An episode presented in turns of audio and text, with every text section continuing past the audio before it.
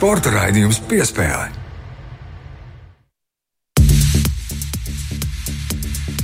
Esiet sveicināti Latvijas radio pirmā kanāla klausītāji. Mani sauc Mārtiņš Kļavnieks, un sporta redzējums piespēle kā jau katru svētdienu šajā laikā. Aptuveni 5 minūtes pēc pulksten vieniem dienā ir jūsu ausīs radio uztvērējos un jebkurā citā eh, ierīcē, kā klausāties Latvijas radio, un izņēmums nav arī, protams, šī svētdiena. Un eh, šajā svētdienā, protams, ka joprojām runāsim par Ziemas Olimpiskajām spēlēm Pekinā. Tās eh, tūlīt, tūlīt noslēgsies, jo noslēguma ceremonija jāsākas jau divos dienā, un eh, līdz ar to arī, protams, oficiāli šīs Olimpiskās spēles būs beigušās, un arī darba diena ne tikai šī konkrētā, bet arī visas iepriekšējās būs beigušās arī mūsu kolēģim Mārim Bergam. Māris mums arī pievienosies tiešraidē šajā raidījumā, kā jau katru svētdienu, jo šī raidījuma eh, piespēlē eh, vēl viena sērija arī šo svētdienu tātad par un ap olimpiskajām spēlēm, un kurš gan labāk varētu izstāstīt to, kas notiek uz vietas, kā kāds, kurš tur tik tiešām atrodas, un eh, tas, protams, ir Māris. Un šobrīd jau Mārim vajadzētu būt kopā ar mums. Māri, Māri vai tu mūs dzirdi šobrīd? Sveiks, Mārtiņ, sveicināti Latvijas radio klausītāji. Jā, es tevi dzirdu, varbūt ar mazliet lielākiem pārāvumiem nekā man gribētos, taču dzirdu. Mēs tev arī dzirdam skaļi un skaidri par to prieks. Izklausās, ka atrodies kaut kur lidostā, vai es nekļūdos? Jā, nu, pirms nedēļas, um, kad atrados Šortreka halē, raidījuma noslēgumā, es arī teicu, ka šonadēļ raidījuma laikā es ceru atrasties kādā citā vietā. Un es tiešām atrodos pilnīgi citā vietā. Es šobrīd atrodos vienā no Pekinas lidostām un uh, gatavojamies māju ceļam. Jā, nu un pirms tu vēl kāp lielajā gaisa putnā, mēs tevi uz brīdi arī aizturēsim un parunāsim par šīs nedēļas svarīgākiem notikumiem. Protams, ka tie būs saistīti arī ar Olimpiskajām spēlēm, arī Olimpiskajās spēlēs pietiekami daudz dažādu notikumu, bet uh, sāksim gan šonadēļ ar ko pavisam citu, jo nu, es domāju, ka šis notikums varbūt pat kā Reinis Grunspeņš šorīt lat, programmas Labrīt sporta ziņās sacīja aizēnoja, tika aizēnots no Olimpisko spēļu puses, un daudzi varbūt pat īsti nemaz nepamanīja, ka Aļona Stapenko triumfēja Dubajas turnīra vienspējas sacensībās, zaudēja dubultspēlēs, bet eh, finālā viņa ar 6-0 un 6-4 uzveic Krievijas tenisisti Veroniku Kudermetovu. Dubajā Aļona ceļā uz titulu pārspēja arī ASV pārstāvu Sofiju Keninu, Polieti Igu Šjonteku, tāpat arī Čehieti Petru Kvitovu, bet pusfinālā pārspēja Rumānijas tenisisti Simonu Halepu, ko savukārt uzvarēja 2017. gada Francijas atklātā čempionāta finālā, kad viņa ieguva savu pirmo, pagaidām vienīgo Grand Slam titulu. Aļonai šis, starp citu, ir piektais tituls karjerā. Mārta tev vispār sanāca sekot līdzi arī tenisa norisēm, esot tur Pekinā spēles neredzēju, taču par pašu faktu es esmu informēts, ziņas lasīju. Mārtiņa atceries droši vien, ko mēs pirms aptuveni mēneša teicām raidījumā par Aļonu tieši talants un meistarība pietiek, bet ir jāspēj nokoncentrēt uzmanība un visa enerģija uz īstajām lietām, tad Aļona ir spējīga uzvarēt jebkuru pretinieci. Dubajā viņa pārspēja ļoti spēcīgs pretiniecis, to pašu Simonu Hālepu, Rīgu Šonteku, kā jau teici. Līdz ar to varbūt Aļona ir sadzirdējusi mūsu, vai arī viņas menedžeris Edgars Buļs ir nodevis sveicienu, ka, ka mēs esam izrunājušies nedaudz. Nu, es ceru, ka Aļona klausās raidījumu piespēli. Tas būtu vislabākais scenārijs no tevis minētajiem. Bet, eh, ja arī nē, tad eh, patīkami bija redzēt cīņas par, jo Aļonai bieži vien bija tā problēma, ka ja viņi nonāca, iedzinājos, pazaudēja varbūt iegūto handikapu, no nu, tad rokas ātri vien nolaidās, sākās lamāšanās, raketas, daudzīšana, pārmešana mammai korta malā, kas arī, protams, šajā turnīrā bija. Aļona ir tā pati vecā labā Aļona. Bija gan lamu vārdi latviešu valodā, kas laikam valsts valodas centram patiks, kā arī, protams, citās svešvalodās. Bet tāda, mm, teiksim tā, lielāka nosvērtības deva bija Aļonas spēlēji. Viņa prata saņemties arī pēc zaudētiem setiem, atgūties pēc tam, kad zaudēts handikaps. Un fināls, kā jau minēju, 6-0, 6-4. Nu, pirmais sets vispār absolūta dominance. Laikam lielākos vārdos to pat nevar nosaukt.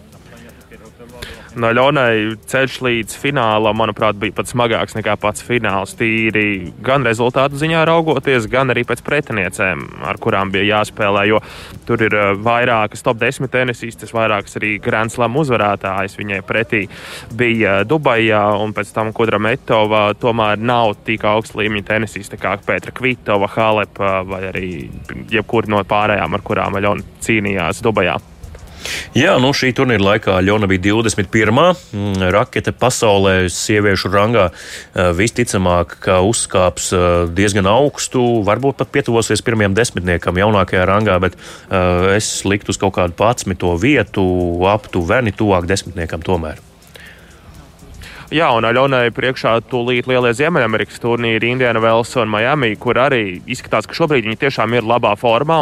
Ziemeļamerikā tagad varēs savākt ļoti, ļoti daudz punktu pie sekmīgas spēles. Līdz ar to nu, turēsim īkšķis, ka Aļona Dubajā būs ieguvusi pārliecību un uh, būs turpi, spējis turpināt šo uzņemto ritmu un spēli. Ceram, jā, un turam īkšķus par vēl lielākām uzvarām arī šīs sezonas turpinājumā Aļonas izpildījumā. Tas par tenisu. Aļona atgādina joprojām ir Latvijas pirmā rakete un šobrīd, diemžēl, arī vienīgā visaugstākā līmeņa tenisista Latvijā. Anastasija Sevastova paņēmusi pauzi no tenisa šobrīd. Pati gan nezinu, cik ilgu. Bet turpinot par nedēļas notikumiem, arī vēl nepievēršoties pagaidām notikušajām Pekinas ziemas olimpiskajās spēlēs.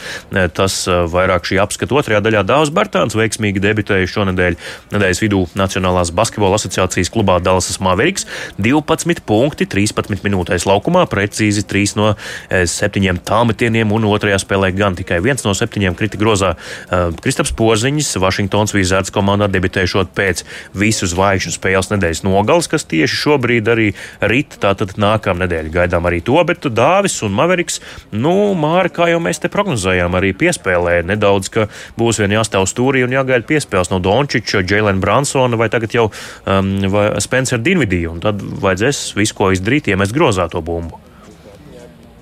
Mārtiņš, domāju, tu man arī piekritīs, un arī tie, kas ir redzējuši gan pašu spēli, vai kaut vai labākos momentus no šīs spēles, uh, Dāvis izskatās diezgan iederīgs šajā sistēmā, kur Luka vai Jēlins Bransons ļoti daudz darbojas ar bumbu. Dāvis vienkārši mierīgi stāv stūrī, gaida savu iespēju un tad kāds no mazajiem teiksim, tā, iet caurgājienā un izmet dāvim bumbu ārā uz stūri. Dālasai ļoti bija nepieciešama šī palīdzība ar tālmetieniem, un uh, cerams, ka dāvis to spēs sniegt. Uh, manuprāt, viņš vismaz līdz šim ir izskatījies iederīgi. Galvenais ir atgūt uh, šo savu ritmu, kas bija pazudis spēlējot Vašingtonā šo sezonu. Bet, nu jā, gaidam, gaidam arī Kristapu atpakaļ laukumā visu, visu nedēļu, vismaz cik es šeit uz vietas lasīju tāda iespēja pastāvēja, ka viņš varētu spēlēt, bet tomēr nesagaidījām. Mārtiņa droši vien tad pastāsta vairāk. Kad, pret ko viņam varētu būt tā nākamā spēle un kad mēs viņu tiešām ieraudzīsim laukumā. Jā, par uh, Kristapu turpinot druskuļi arī sasienot to ar Dāvi. Nu, Dāvim laikam tomēr uh, tā iejušanās Dalasā uh, ir sekmīgāka, tāpēc ka viņš labāk saprotas ar Luku Dončiču. Nu, Porziņam, kā zināms, tur nebija absolūta sadarība un, un svētlaime mm, šajās attiecībās. Kaut kā viņi tomēr nonāca līdz tām, tādām produktīvām, kaut cik darba attiecībām, bet tomēr ne līdz galam. Un beigu beigās tomēr Kristaps tika aizmainīts. Mm, Dāvis runā serbiski, proti, serbu valodu, un tieši tāpēc varbūt viņam arī tā ir priekšrocība šajā gadījumā, ka viņš varētu labāk tomēr saprasties ar, mm, jā, ar, ar Luku Dončiču, tāpat arī, protams, ar Bobanu Marjanoviču, ar kuru gan saprasties, laikam nevienam komandā nav problēma, viņš ir ļoti atvērts cilvēks, bet Dāvim tas varbūt varētu spēlēt par labu, savukārt par Kristapu runājot, kad viņš varētu debitēt Vašingtons Wizards sastāvā tas, ko es šobrīd atrodu tuvākā spēle pēc Latvijas laika 26. Eh, februārī tā tad bija, tā tad, jā, um, ir jābūt, un tā tad tā visticamāk tā sestdiena divi no rīta arī varētu būt pret San Antonio Spurs, kad Kristaps varētu debitēt. Nu, skatīsimies, vai tik tiešām tā arī būs, un tā būs tā diena, un tā būs tā spēle, kad viņš varētu iziet laukumā. Nu, pietiekami ilgs laiks vēl līdz šim mačam, gandrīz nedēļa. Es domāju, ka tas varētu būt arī realistisks scenārijs. Bet nu gan ķeramies klāt um, Olimpiskajām spēlēm un Pekinas ziemas Olimpiskajām spēlēm. Ļoti, ļoti svaigs un karsts notikums šorīt no rīta. Somijas hokeja izlase triumfēja Olimpiskajā eh, turnīrā. Viņiem pirmais olimpiskais zelts komandas vēsturē iepriekš bija divi sudrabi un četras bronzas. Krievijas Olimpiskās komitejas komanda, eh, Korejas spēļu čempioni, palika otrajā vietā. Eh, Māri, par ko tu turēji īkšķis, varbūt par kam jūt līdzi, kā neitrālais līdzjutējs šajā duelī Somija pret Krievijas Olimpisko komiteju? Finālā es jūtu līdzi Somijas izlasēji. Somija man jau no bērnības ir bijusi tā, tā varētu teikt, otrā izlase. Tad, kad Latvijas izlase izstājas no turnīriem, tad uh, lielajos turnīros es vienmēr no, esmu novēlējis uzvaru Somijam. Uh, šodien viņi man noteikti iepriecināja, demonstrēja kvalitatīvu spēli. Tāpat kā visi turnīri, fiziski ļoti organizēti un uh, parādīja, ka šodien un šajā olimpiskajā turnīrā tieši viņi bija labākā komanda. Mārtiņ, droši vien atceries, ka vai tas bija mūsu sarunās apspriežot raidījumu vai pašā raidījumā, es vairs neatceros. Bet es izteicos, ka Somija, man, manuprāt, ir galvenie favorīti uz zelta medaļu. Nu, žēl, ka neveicām kādu likmi uz to, kurš uzvarēs eh, šajā turnīrā. Nu, jau par vēlu atgūto neizsmils. Jā, nu, tad, eh, bet eh, nākamreiz, jā, nākamreiz par vēlu. Jā, bet uh, 2-1 Somi uzvarēja. Minimāls rezultāts. Krievi pirmie izvirzījās vadībā. Krievijas Olimpiskās komitejas komanda, esam precīzi, bet beig beigās tomēr Somi pēc tam guva divus bezatbildes vārtus un izcīnīja uzvaru. Komandas kapteinis Valtrī Filpula tā simboliski un arī ļoti cēli visiem pasniedza zelta medaļas, jo sportistiem pašiem tās jāliek kaklā, bet uh, šo funkciju izpildīja komandas kapteinis. Tā ļoti, ļoti tāda sirsnīga ceremonija bija. Nu, un uh, bronza Slovākijas izlaiž izlase ar 4-0 bronzas spēlē pārspēja Zviedrus, atstāja bez gūtiem vārtiem un izcīnīja bronzas godalgas. Arī viņiem tas pirmreiz iepriekš nekad viņi olimpisko medaļu nebija izcīnījuši. Apsveicam arī Slovākus. Un interesanti, ka 17-gadīgais Jurais Slavkovskis tika atzīts par šī hokeja turnīra, visa hokeja turnīra vērtīgāko spēlētāju. Viņam septiņu vārdu septiņās spēlēs nu, bronzas spēlē, cik, cik man šķita no malas to visu raugoties, ka Zviedri pilnībā negribēja nemaz tur atrasties. Nu, ir, nav vienalga, viņiem tas izskatījās neko nemaina. Slovāki gribēja tās medaļas arī pelnīti, eh, pelnīti tās izcīnīja. Un ar šo mēs varam pasvītrot, ka Latvijas grupa bija ļoti, ļoti spēcīga. To mēs varam vēlreiz teikt, jo divas no komandām mūsu grupā tika pie medaļām, un uh, arī Slovāki, kur mēs uzskatījām, ka mums viņus vajadzētu apspēlēt, un iespējams, ka mums arī vajadzēja viņus apspēlēt, beigu beigās uh, tika pie bronzas medaļām. Bet par Slavkovski runājot, ļoti labs turnīrs, pat negaidīti labs. Apskatot viņa statistiku klubā, viņš spēlē Somijas augstākajā līgā. Tur 20 ar astīti spēlēs tikai viens vārtu gūms. Un līdz ar to nu, varbūt viņš Somijas hokeja līdz galam nevarēja iejusties, varbūt izlasē vienkārši bija īstie partneri pielikti klāt, bet ļoti augsts drafta numurs viņam šovasar gaidāms.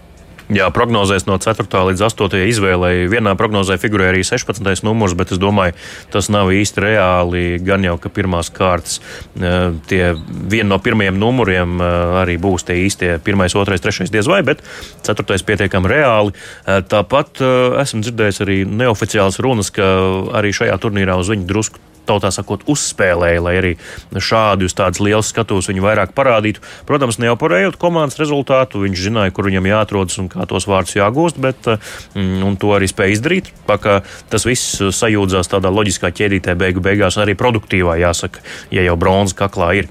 Un eh, par Latvijas izlasu vēl pāris vārdus. Mārķis, tu biji tas mūsu īpašais hokeja aģents, Latvijas radio ziņu dienesta hokeja aģents, kurš sekoja līdzi visām Latvijas izlases spēlēm, arī visos treniņos spēlēs, pabija klātienē Hallēs divās.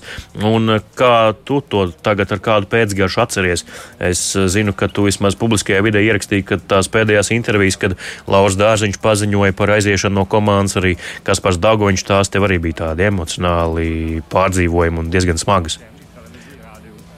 Nu, jā, jo es esmu uzaugusi skatoties, kā šie abi vīri spēlē Latvijas izlasē un ir Latvijas izlases līderi. Līdz ar to brīdī, kad viņi man paziņo par karjeras beigām izlasē, tas, tas bija tāds interesants un emocionāls un savā ziņā nepatīkams brīdis. Par pašu izlasi runājot, man es joprojām neesmu sapratis, kas notika trešajā periodā pret Dāņiem. Skaidrs, ka viņi pielāgojās, pamainīja mazliet savu spēles plānu, bet uh, es joprojām nesaprotu, kāpēc mūsējie izskatījās tā, kā viņi izskatījās laukumā. Pat negribīgi brīžiem izskatījās, ka tiek uzbrukts, ka pus, pusminūte ar savu ar rīpu savā zonā tiek slidots desmit minūtes līdz spēles beigām. Un, nu, nebija tā sajūta, ka Latvijas sakot, svila pakaļ mūsējiem. Tikai pašās beigās tas tā notika. Un, un, un man nav izskaidrojuma, kas tur beigās notika. Un par to man ir tāda vilšanās, ka tā bija spēle, kas bija ņemama, pilnīgi noteikti bija uzvarama. Un uh, to neizdevās izdarīt. Uh, varbūt televīzijas ekrānos mātiņu tu kaut ko vairāk redzēji, vairāk atkārtojumos, uh, tas, ko es šeit nevarēju redzēt, uz vietas sēžot. Jā, nu, iespējas uh, palika tāds, ka, protams, ka Dāņi iesēdās aizsardzībā trešajā trešdaļā, bet uh, nu, jā, latviešiem kaut kas, kā jau parasti, nu, tas laikam secinājums, kā jau parasti, jā, tā izšķirošā spēle, dominējam, bet beigu beigās tomēr nepanākam vēlamo rezultātu. Nu, jo pretinieks bija nu, absolūti labākais, kādu vien mēs pēc turnīra tās izspēles sistēmas un visām iespējām varējām iegūt. Bet, nu, ir kā ir. Latvijas izlase atgriezusies mājās ar 11. vietu. Spēlētāji jau devušies uz saviem klubiem. Daudz jau guvuši arī vārtus. Gins Meija, Vita Hasten, Zviedrijas otrajā līgā jau pirmā nomaiņā iemet tautā sakot golu. Un tāpat arī, protams, Oskars Cibuļskis palīdzēja Brinas komandai vairākumā Zviedrijā gūt vārdus virslīgā. Tā kā ar pozitīvām emocijām vismaz tālāk turpinās viņu sezonas, kur nu katram Eh, dodamies eh, raidījuma soļiem tālāk, un drāma Pekinas Ziemas Olimpiskajās spēlēs, proti daļslidošanā Krievijas Olimpiskās komitejas mm, komandas pārstāve Kamila Vaļījeva pieķerta dopinga lietošanā, pati saka, ka padzērusies no vectēva glāzes, laikam kādus klepus drapus, kā tas ir bieži vien dažādos jokos. Sirds drapes, sirds drapes. Jā, jā, un turklāt trīs dažādas, jo trīs dažādas vielas viņa atklāts uh, analīzēs. Nu, individuālajās sacensībās viņa palika 4. vietā, slidojuma laikā krita, un pēc priekšnesuma savukārt raudāja, un treneri nemaz nemēģināja viņu mierināt. Tāda ļoti vēsa, augsta, pat uh, tāda ignoratīva attieksme no komandas treneru puses. Vaļievai 25. decembrī ņemtajās dopinga analīzēs tika uziets aizliegtais preparāts trimetazidīns, par ko Startautiskā testēšanas aģentūra paziņoja tikai 8. februārī jau Olimpisko spēļu laikā. Tur arī bija paziņojums, ka, ja viņi iegūs godalgotu vietu, tad medaļu viņai nepasniegs ceremonijā. Nu, tāds liels, liels riņķa dāncis, bet laikam jau tas sāpīgākais, ka tas viss notiek ar, nu, principā bērnu, joprojām viņai ir 15 gadu tomēr. Jā, nu šeit uh, ir divas puses, laikam, kā mēs uz to raugāmies. Protams, ka meitenei 15 gados ir uh, milzīgs psiholoģiskais spiediens, un nevienam 15-gadīgam jaunietim negribētos novēlēt kaut ko tādu piedzīvot, ko viņa piedzīvoja. No otras puses, man ir kaut nedaudz prieks par sportistēm, kuras ieguva medaļas un kuras arī saņēma savas medaļas šeit, Pekinā. Tās bija nopelnītas medaļas, un viņām nav jāgaida, kā atrisināsies šī vaļīvas lieta. Viņas tiek pie savām medaļām. Un, teiksim, tam ir pielikts kaut kādā mērā punkts. Vienkārši. Vismaz par šīm sportistēm ir prieks. Nu, kā jau saku, tad um, koks ar diviem galiem droši vien. Bet uh, palasīju arī krievu valodā par uh, treneri, tieši ko, ko jau teici, ka ļoti vēsa un salta attieksme pret sportisti. Un šai trenerei ir vēsture tā izturēties pret sportistiem, likt slidot ar smagām traumām, hroniskām traumām, kā nekā krievu daļslidotājas jau līdz 20 gadiem bieži vien pat ir noslēgušas karjeru tieši smagu traumu dēļ, gan fizisku, gan arī psiholoģisku traumu dēļ. Diemžēl, bet tā vismaz tiek krievu mēdījos rakstīts. Jā, un um, manā rīcībā ir arī īsts Latvijas antidopinga aģentūras uh, vadītāja Mārtiņa Dimanta komentārs tieši par šo situāciju par Vaļievu un to, kas viņai šajās analīzēs atklāts. Tā es jau tātad minēju, trimetazidīns ir šī aizliegtā viela. Izrādās, ka tas ir meldonija alternatīva. Nu, nav gluži analogs, bet alternatīva, ko var lietot līdzīgos gadījumos, kā to dara ar meldoniju vai Latvijā zināmo mildrunātu, kas ir aizliegto vielu sarakstā. Un Eh, parasti jā, to rekomendē sportistiem, bet eh, šo vielu, eh, arī šī viela, ko viņi ir lietojusi, tā ir aizliegto sarakstā un tā ir jāiekļauj tā sauktajā, mm, jā, tā tad šajā te īpašajā sarakstā terapeitiskās lietošanas atļaujai ir jābūt, un tas ir jāiesniedz arī dopinga pārbaudītājiem, ka tev ārsts to ir izrakstījis un tas tev ir vajadzīgs. Ja tādas nav, tad tu esi pārkāpis antidopinga noteikumus, kā arī gadījies ar Kamilu Vaļījevu. Nu, un Mārtiņš Dimants arī bija pārsteigts par to, ka šī lieta tik plaši iztirzāta ir medijos, ka zināms, kāda viela lietota, kādas sankcijas draud parasti sportisti līdz 16 gadu vecumam ir īpaši aizsargāto statusā, un nekas par šiem gadījumiem publiski nav zināms un netiek nu, izpraperēts presē publiski. Tā kā šis ir arī tāds diezgan kliedzošs izņēmuma gadījums.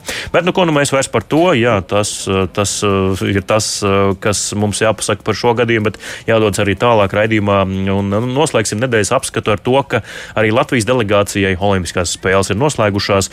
Tāpat kā pirms četriem gadiem ar līdzīgu rezultātu, viena bronzas medaļa, ko vest uz mājām. Tā jau ir atceļojusi uz Latviju, šoreiz kamanu stafetē.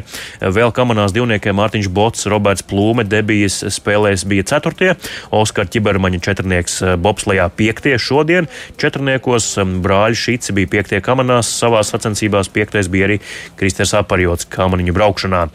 Ļoti labi sev parādīja slēpotāji, Raimo Vīgantam 20. vietas sprintā, Patricija Eidukai 23. 10 km distancē klasiskajā stilā. Kopumā Māri, kā tu vērtētu latviešu sasniegto?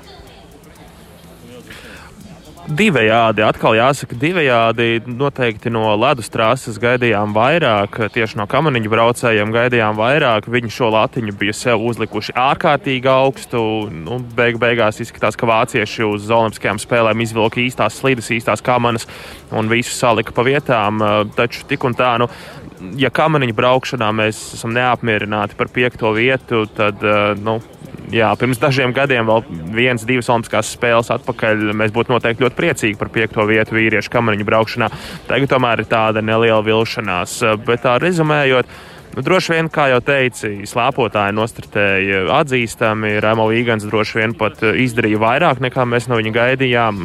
Un šie sportisti varētu teikt, ka sadalās tādās divās daļās. Tie, kuri izdarīja vairāk, un tie, kuri izdarīja krietni mazāk nekā mēs no viņiem sagaidījām. Līdz ar to tas būtu jāvērtē tā individuāli un negrib, negribētos visu Latvijas delegācijas startu tā maisīt vienā katlā. Tas tomēr ir par katru sportistu jāskatās attiecīgi pēc viņa spējām un rezultātiem, kādas, kādi šie rezultāti ir demonstrēti ne tikai šajā sezonā, bet arī mazliet ilgtermiņā pēdējo divu, trīs gadu laikā.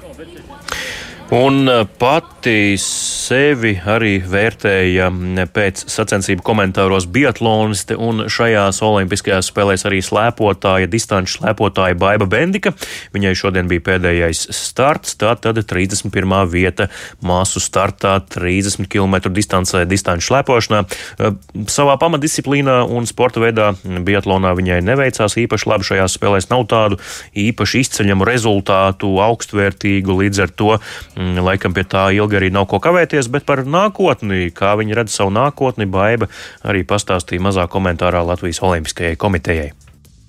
Gan es pati, gan domāju, ka visi gaidīja, protams, no manis augstākus rezultātus, bet arī slikta pieredze ir pieredze. Tas nemaina to, ka jā, mēs turpināsim cīnīties, un lai arī šis bija tāds, teiksim, solītis apakaļ.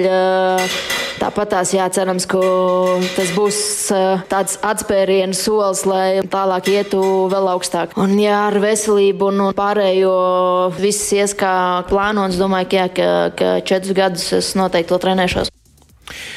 Baiva Bendika, distanču slēpotāja un arī biatloniste, bet uh, tikai distanču slēpotāja ir Patricija Eiduka, Latvijas labākā distanču slēpotāja, uh, un viņai arī labi sasniegumi šajās uh, olimpiskajās spēlēs. Jau minēja 23. vieta 10 km distancē klasiskajā stilā, kas ir visu laiku augstākais Latvijas dāmu distanču slēpotāja sasniegums olimpiskajās spēlēs. Uh, Patricija arī pārliecināta, ka viņu redzēsim arī pēc četriem četriem gadiem Itālijā nākamajās Ziemas Olimpiskajās spēlēs. Lūk, ko viņi pats saka.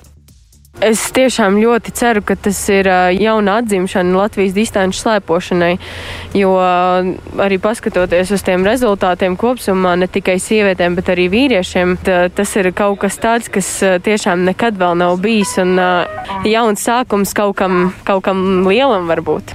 Visi sākums un pamats ir.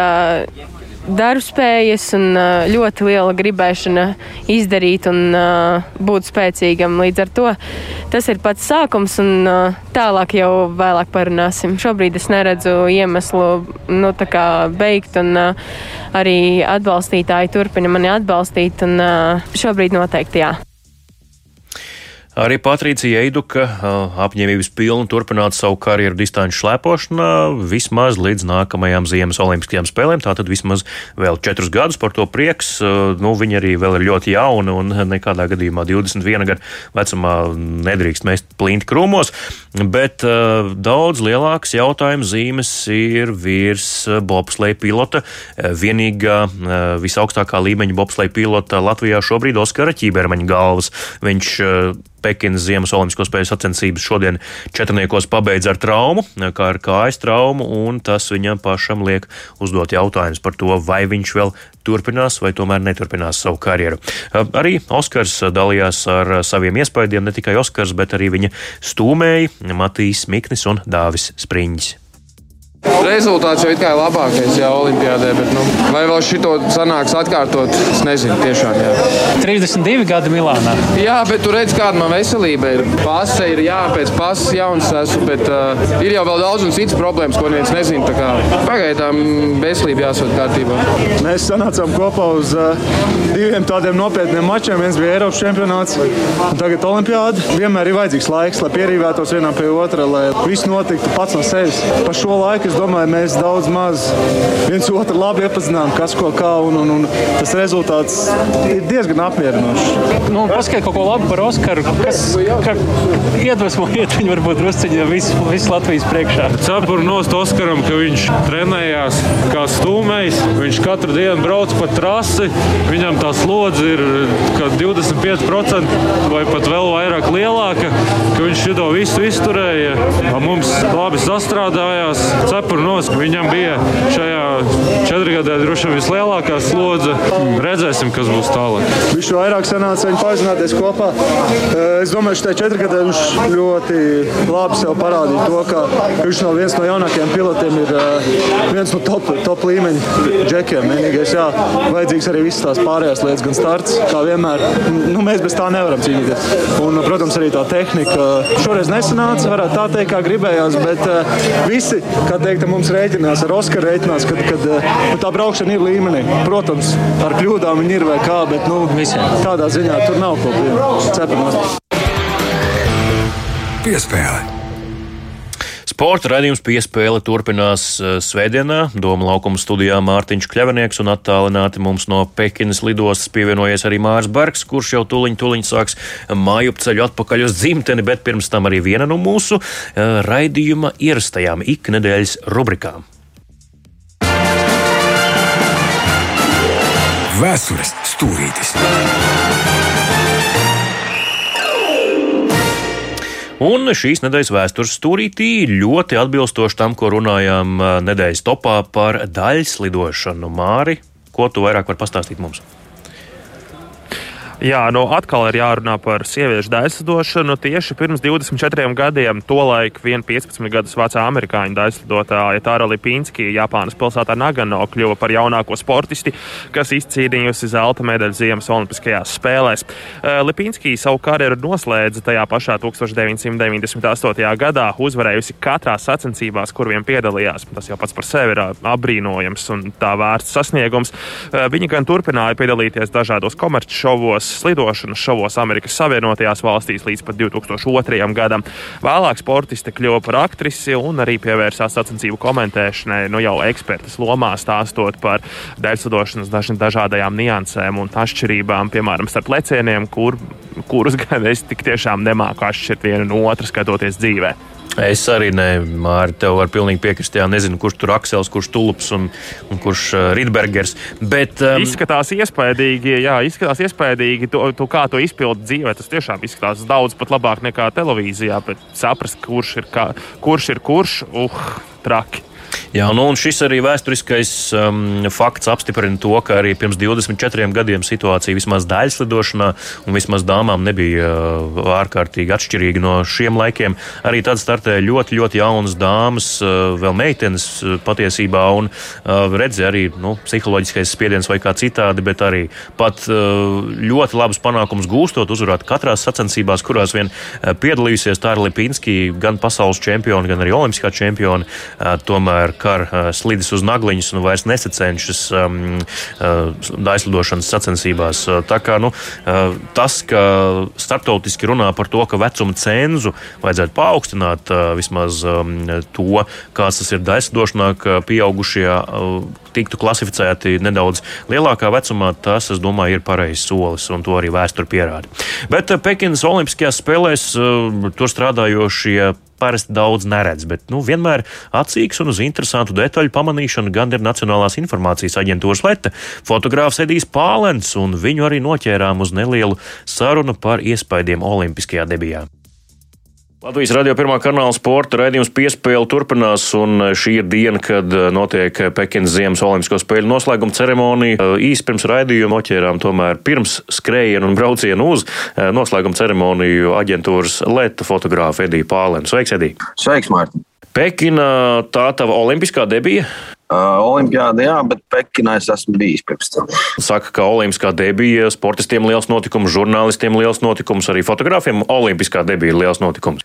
Es domāju, ka jā, ļoti daudz bija ko iemācīties un uh, redzēt savām acīm, kā tas uh, viss nu, dabā notiek.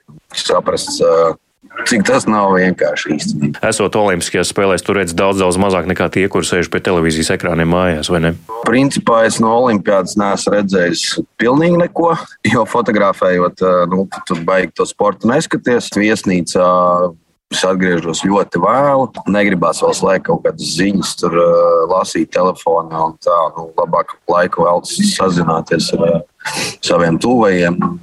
Jā, tā kā es polimpiādu baigi daudz ko nezinu. Bet uh, es vienmēr esmu apbrīnojis tavu spēju ieraudzīt uh, tādās varbūt vienkāršās ainavās interesantas detaļas. Tev kā fotogrāfam tas ir ļoti svarīgi spēt to izdarīt. Saki, kas tev paliks atmiņā no Pekinas ziemas olimpiskajām spēlēm, no tā ikdienas darba? Kas ir tāds spilgtākais vai daži spilgtākie brīži? Noteikti viss tā transportēšanās vaiprātīgais. Tagad arī esmu atbraucis no bobsleja sacensībām.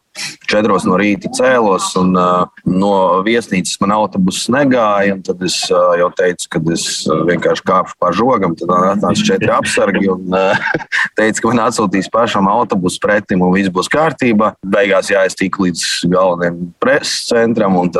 Atkal bija stunda jāgaida, jo izrādās šodien autobuss neiet.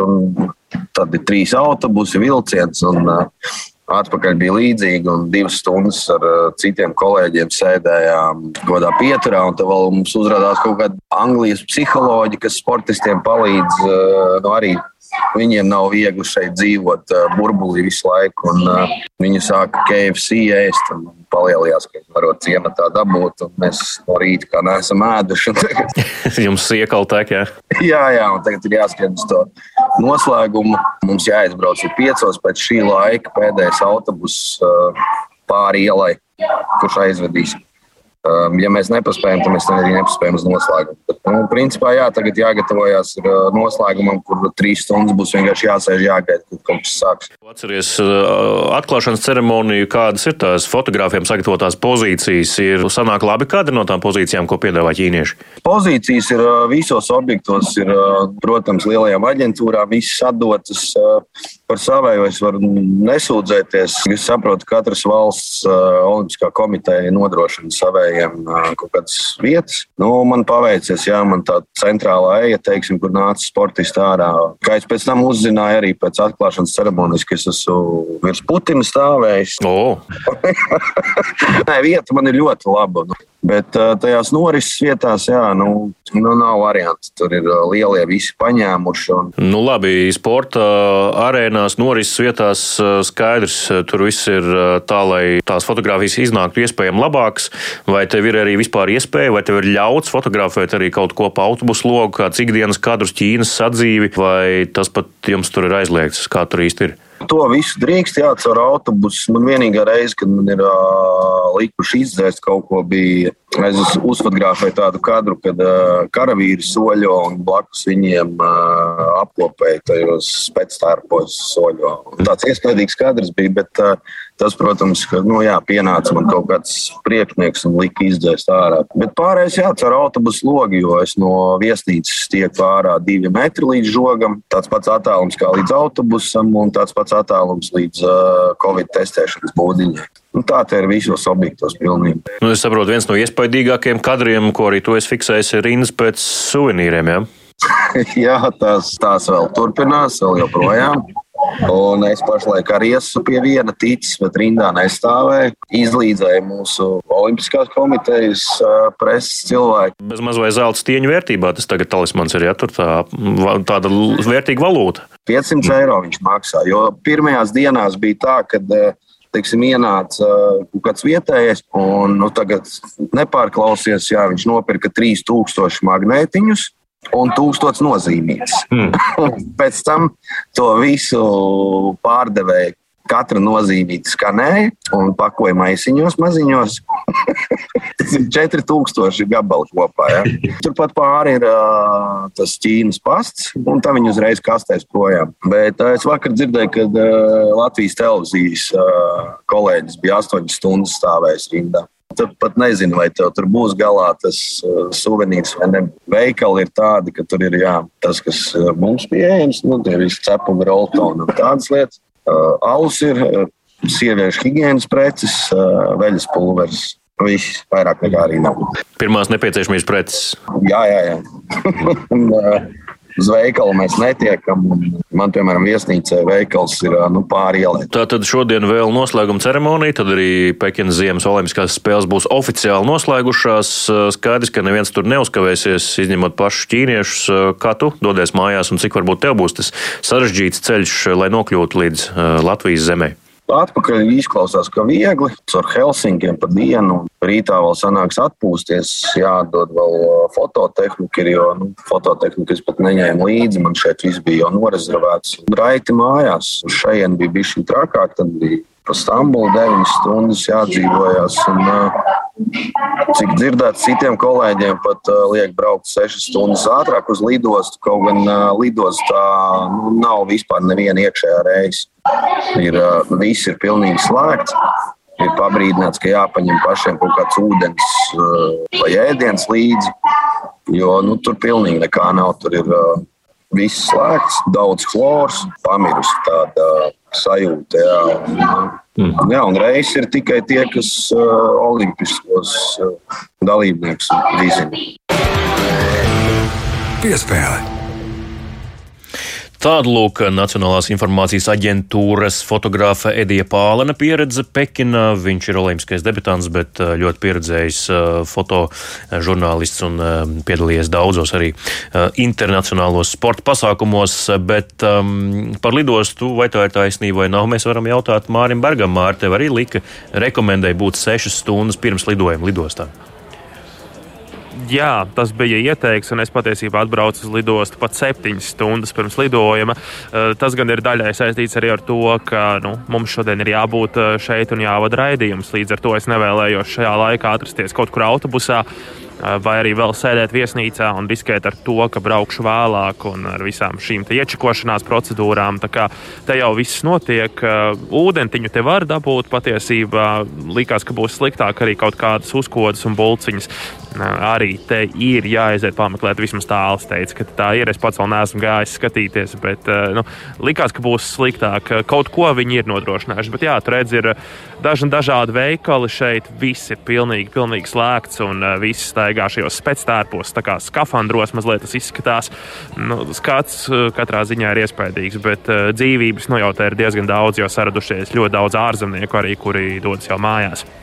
Jā, nu pirms tu dodies meklēt būciņus un ūdentiņu, mums vēl jāpiesaka nākamā rubrika. Jā, pieslē, pieteiksim mūsu nākamo rubriku, arī viena no mūsu tradicionālajām rubrikām, proti, kas lācītim vēdrā. Un šoreiz uh, mūsu kolēģis Tāls Eipurs, uh, kuru ikdienā mēs zinām kā raidījuma pies, uh, pēcpusdienu vadītāju, viņš man arī tepat blakus sēž. Tāli, sasveicinies ar klausītājiem! Labdien, no, saka, no pēcpusdienas piespēlē. Jā, tā kā mēs tālu arī gatavojamies doties, lai nodotu somas, bet šodien vēl rīta pusē tālis bija Jēncinas ledus trasē, tur sekoja līdzi bobslējas sacensībām. Viņš tur uzturējās praktiski visas šīs divas, divas ar pus nedēļas, un Jēncinas trasē viņš arī aprunājās ar šīs trases pāraugu Normunu Kotānu, kur, kur šādus pienākumus, proti, būdams trases vadītājs, viņš pildīja jau trešās olimpiskās spēles pēc kārtas, bet Mārtiņ, kā jau es teicu, mēs ar tāli dodamies eh, nodot savas somas, eh, lai dotos māju ceļā. Līdz ar to eh, es atvadīšos no klausītājiem līdz nākamajai nedēļai, kad jau mēs atgriezīsimies ierastā formātā ar mani studijā Doma laukumā un arī tālāk skatos, ka vēlas teikt kādu vārdu. Jā, es par šo sarunu ar uh, Kotānu kungu vēl divus teikumus. Nu, kā saka mani kolēģi, kur, teiksim, starta zonā paviesojas vai kur lielāk tā bobsleja saimnes rosī, viņš saka, nu, tur latviski lamāties nevar, jo visi saprot, tāpēc, ka tur tiešām dažādos amatos, dažādās komandās, gan trasē arī ir uh, pietiekam daudz latviešu, un par to arī tas būs viens no tematiem, par ko mēs runāsim ar uh, Kotānu. Jā, paldies tev tāli, un tad jā, es no jums atvados līdz nākamajai nedēļai.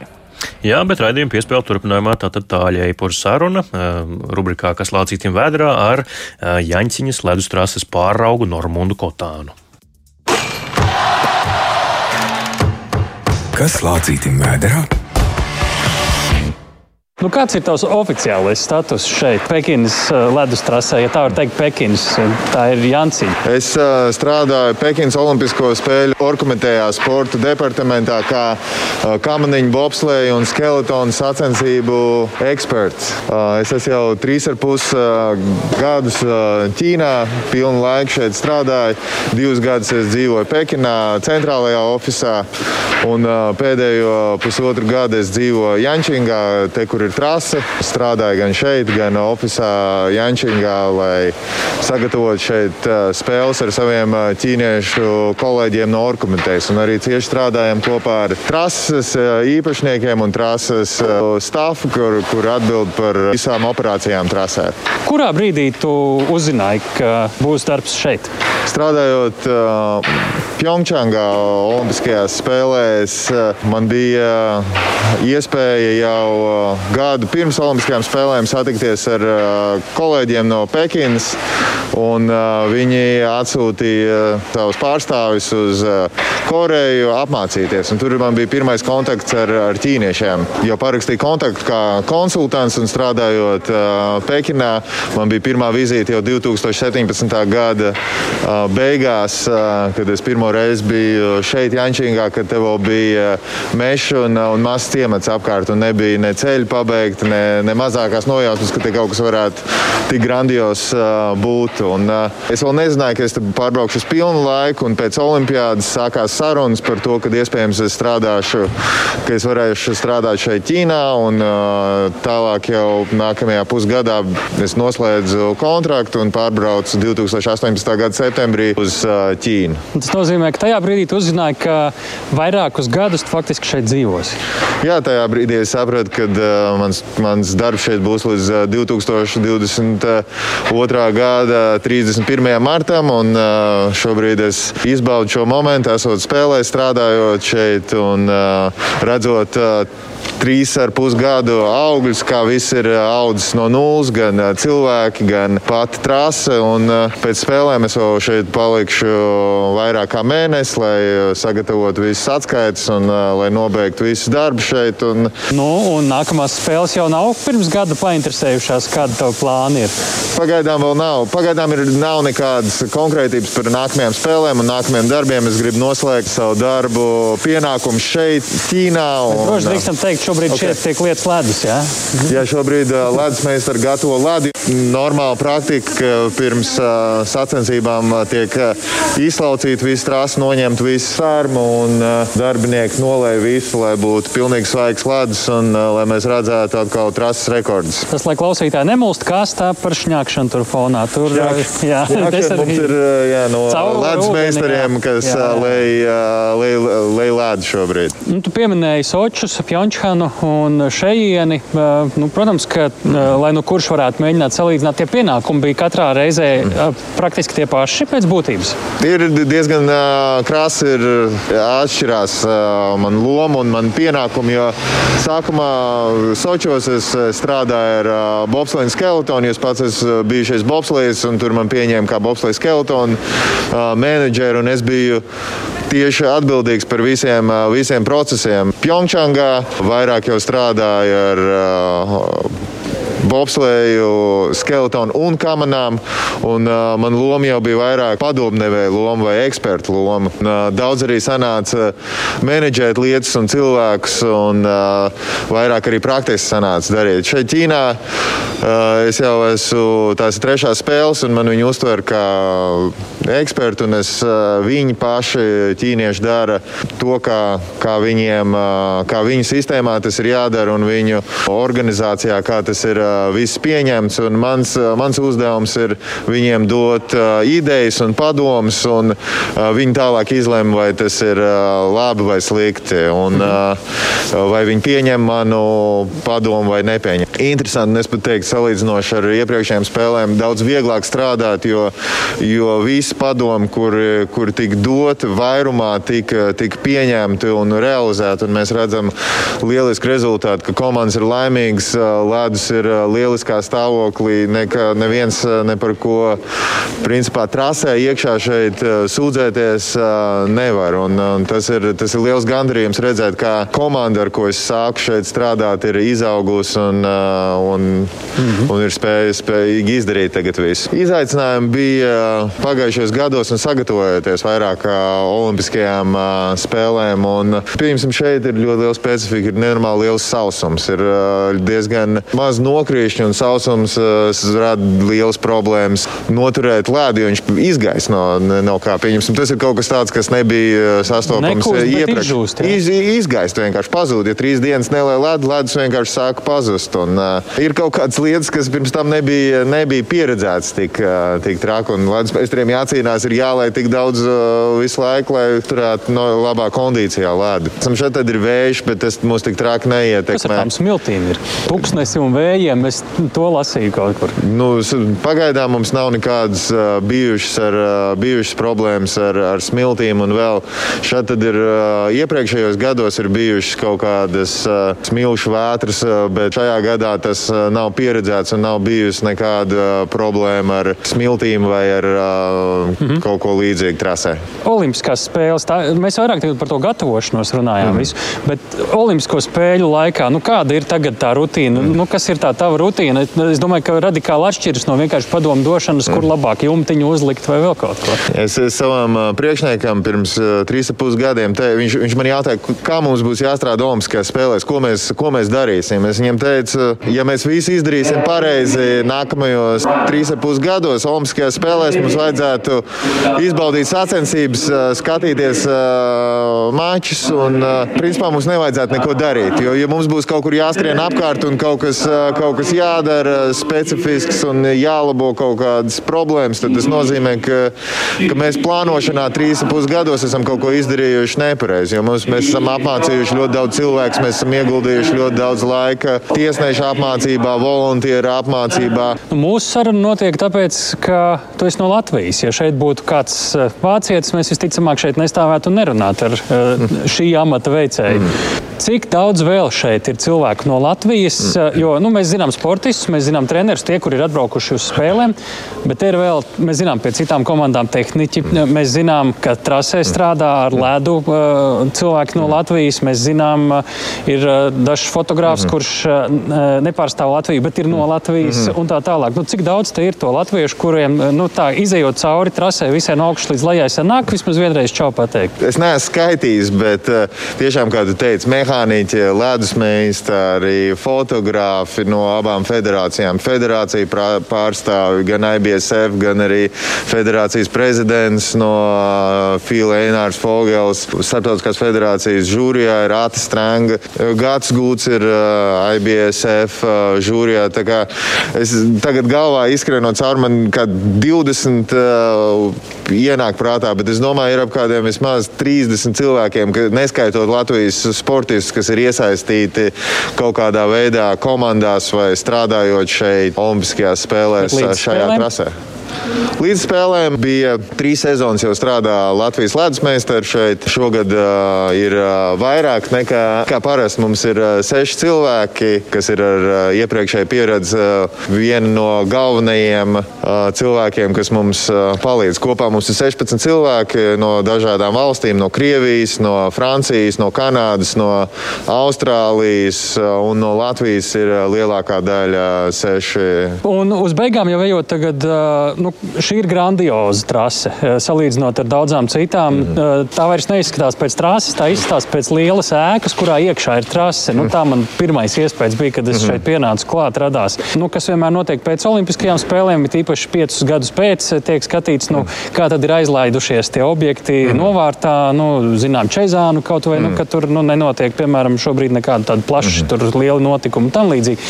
Nerunājot par, nezinu, Sarajevu un vēl kaut ko. Kāda ir šāda milzīga objekta nākotne? Tā ir uh, pasaules čempionātu, pasaules kausu aprits trase, kā uh, Ķīnas uh, sportistu bāzes trase, kur tiešām intensīvi tiks noslogota. Ko tu zini par to?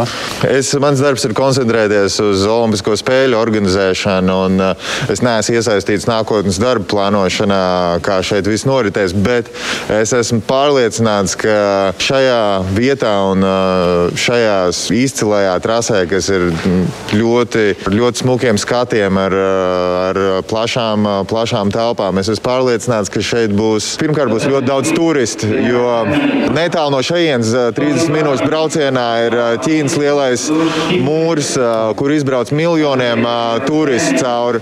Uz Olimpiskajām spēlēm arī no sab, šeit apkārtnē ir sabūvēts ļoti daudz augstu līmeņa viesnīcas, kur turistiem palikt.